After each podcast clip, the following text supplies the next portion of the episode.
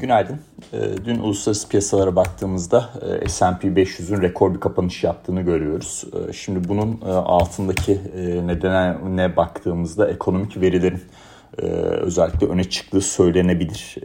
Dünkü ekonomik veri setini ben kısaca şöyle yorumladım. Büyüme pozitif ama enflasyon tarafında işte PCE verisi, işte kişisel tüketim harcamaları yüksek açıklansa da zaten piyasa artık Mart ayı için %50'nin üzerinde bir e, olasılıkla faiz artışı yapabilir FED fiyatladığından ötürü e, bir miktar daha hisse senetlerine pozitif e, yansıdı. E, işte dayanıklı mal siparişlerinin e, ve yeni konut satışlarının beklentileri aşmasıyla beraber e, diye özetleyebiliriz. E, işte ikinci bir e, neden e, ekonomik verilerin dışında işte Pfizer sonrası Merck'ün de e, bu Covid'e karşı e, normal ilaç onayını e, FDA'den alması. E, diğer bir noktada e, Elon Musk'ın dün bir ben baktım şeyden de Bloomberg'den de kontrol ettim. Açıkçası bir hisse satışı yapmadığı gözüküyor. E, ama hala böyle temkinliyim e, bu konuda. E, yani tamamlandı çünkü dün önce tamamlandı dedi. Daha sonra dedi tamamlanmaya yakın dedi. E, rakamlar ortada 17 milyon hisse satması lazım. E, bunun 14,5 satıldı. Hani 14,5'da da bitirebilir. E, sonuç olarak e, ödeyeceği vergiye yeterli bir e, rakamsa bu bitirebilir. E, ama e, söylediği şey ilk başta açıkladığı şey yaklaşık 17 milyon hisseye denk geliyordu. Orada hala bir miktar e, satış yapacağı nokta var. Eğer yapmak isterse ve yapması gerekiyorsa diye söyleyeyim.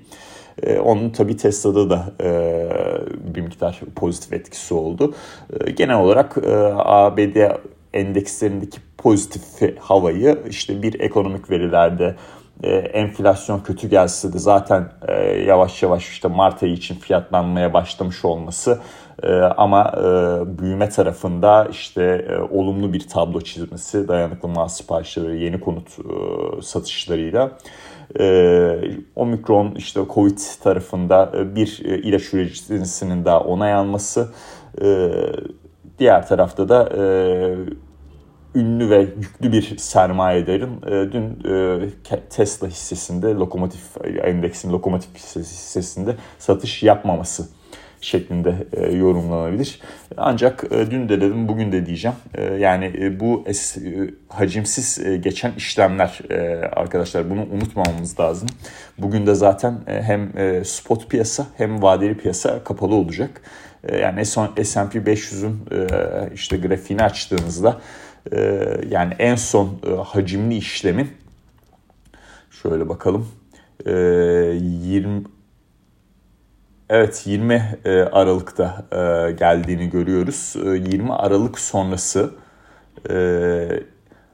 o 3 işlem günü de yaşanan yükselişlerde pardon özür diliyorum en son büyük işlem hacmi 17 Aralık'ta olmuş ama ondan sonraki en fazla da 20 Aralık'ta alımların olduğu zamanlarda işlem hacmi giderek azalıyor.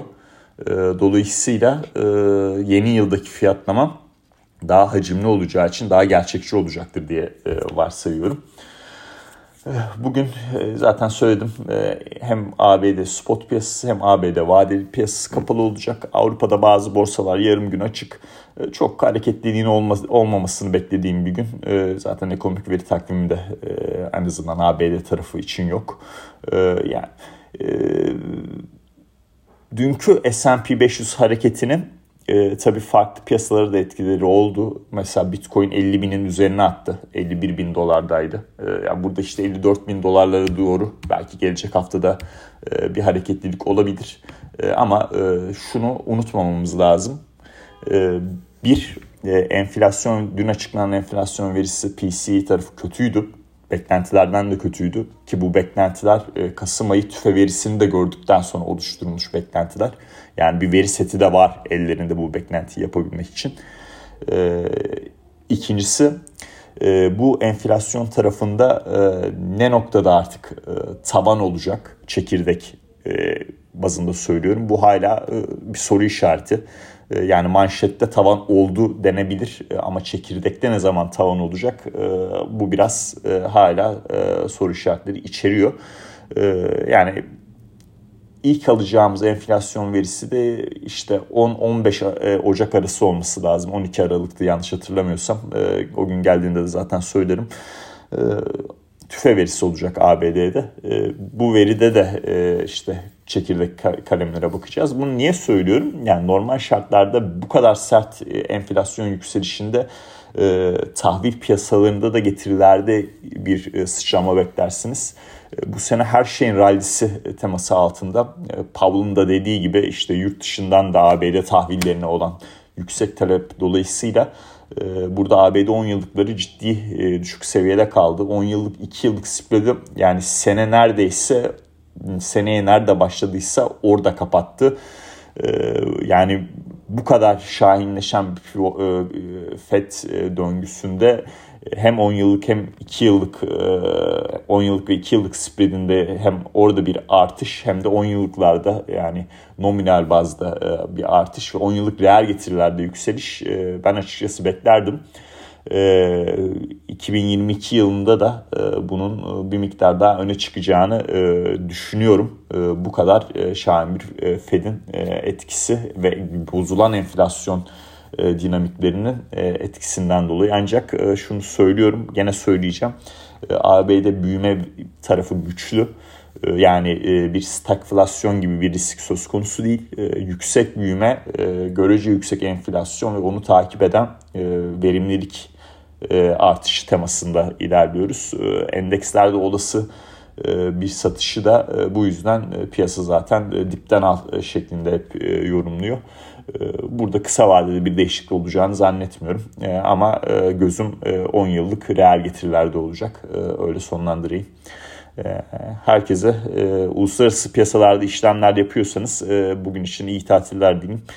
Yurt içi tarafında işlem yapıyorsanız iyi seanslar dileyim. Gelecek hafta görüşmek üzere.